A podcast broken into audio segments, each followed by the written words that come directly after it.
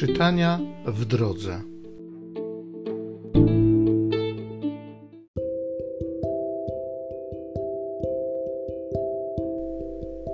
Z drugiej księgi królewskiej.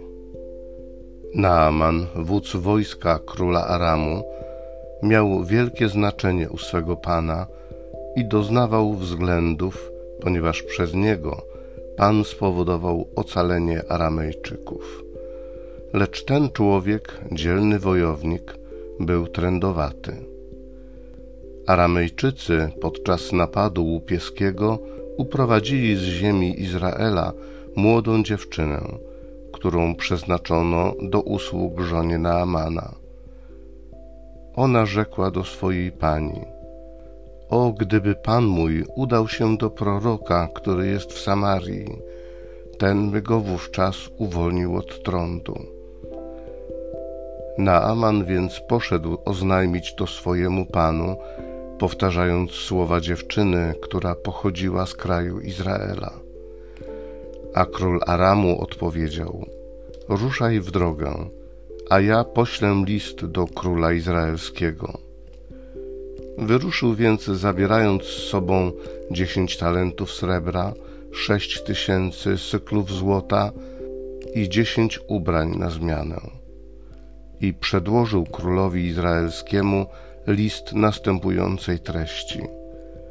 Z chwilą, gdy dojdzie do ciebie ten list, wiedz, iż posyłam do ciebie Naamana, sługę mego, abyś go uwolnił od trądu.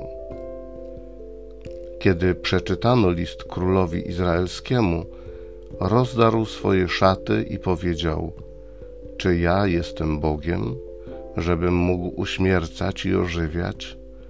Bo ten poleca mi uwolnić człowieka od trądu.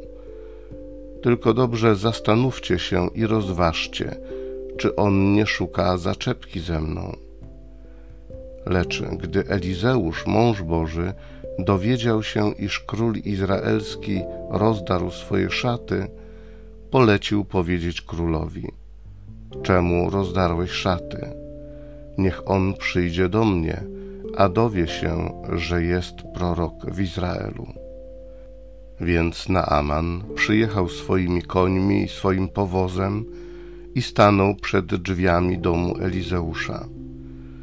Elizeusz zaś kazał mu przez posłańca powiedzieć: Idź, obmyj się siedem razy w Jordanie, a ciało twoje będzie takie jak poprzednio i staniesz się czysty.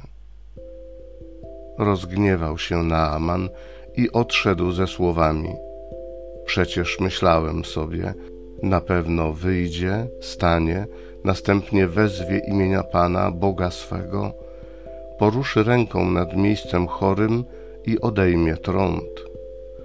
Czyż Abana i Parpar, rzeki Damaszku, nie są lepsze od wszystkich wód Izraela? Czyż nie mogłem się w nich wykąpać i być oczyszczonym? Pełen gniewu zawrócił, by odejść, lecz słudzy jego przybliżyli się i przemówili do niego tymi słowami: Mój ojcze, Gdyby prorok kazał ci spełnić coś trudnego, czy byś nie wykonał? O ileż więc bardziej, jeśli ci powiedział, obmyj się, a będziesz czysty. I zanurzył się siedem razy w Jordanie według słowa męża Bożego, a ciało jego na powrót stało się jak ciało małego chłopca i został oczyszczony. Wtedy wrócił do męża Bożego z całym orszakiem, wszedł i stanął przed nim, mówiąc: Oto przekonałem się, że na całej ziemi nie ma Boga poza Izraelem.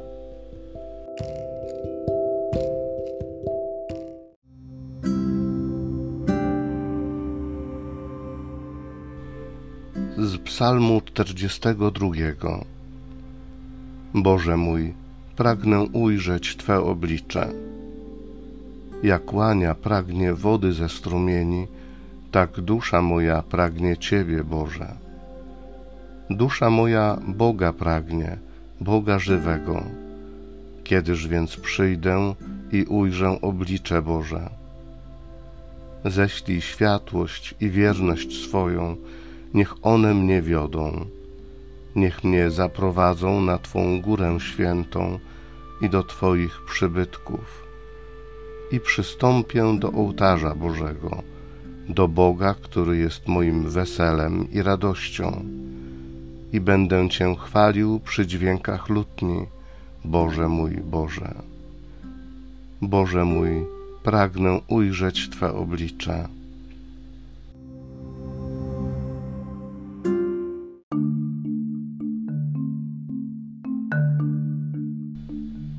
Pokładam nadzieję w Panu i w Jego słowie. U Pana jest bowiem łaska i obfite odkupienie.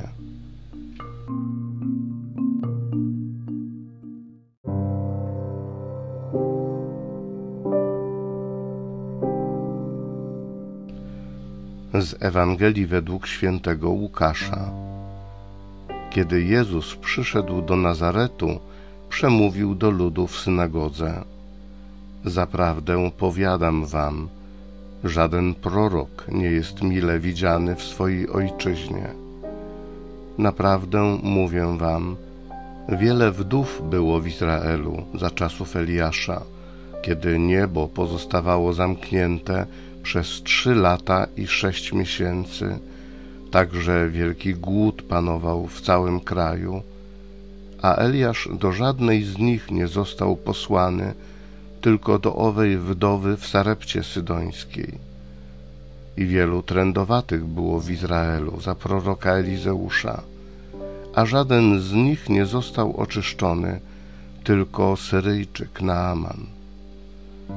Na te słowa wszyscy w synagodze unieśli się gniewem.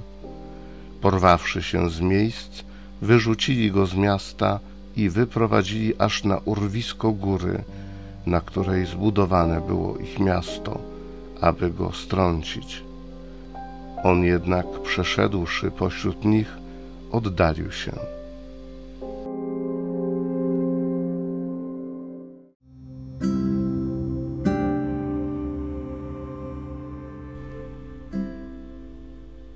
Jak łania pragnie wody ze strumieni, tak dusza moja pragnie Ciebie, Boże. Dusza moja pragnie Boga, Boga żywego. Ześlij światłość i wierność swoją, niech one mnie wiodą. Pokładam nadzieję w Panu i w Jego słowie. U Pana jest bowiem łaska i obfite odkupienie. Ojcze Niebieski, dziękuję Ci za to, że w Tobie jest źródło życia, że mogę czerpać ze zdrojów zbawienia, że mogę przychodzić do Ciebie, karmić się Twoim słowem. Powiem, że u Ciebie jest łaska, obfite odkupienie. Ty jesteś hojnym dawcą, Ty jesteś miłosiernym Ojcem i Twoje zbawienie jest dla każdego. Ześlij Twoją światłość, Duchu Święty. Spraw, żeby w moim sercu gościło zawsze pragnienie Boga żywego, żebym Go szukał z całego serca, żebym przez Twoje słowo starał się poznać Twój zamysł dla mojego życia żebym karmił się Twoim słowem i pozwolił zasadzić się nad płynącą wodą. Amen.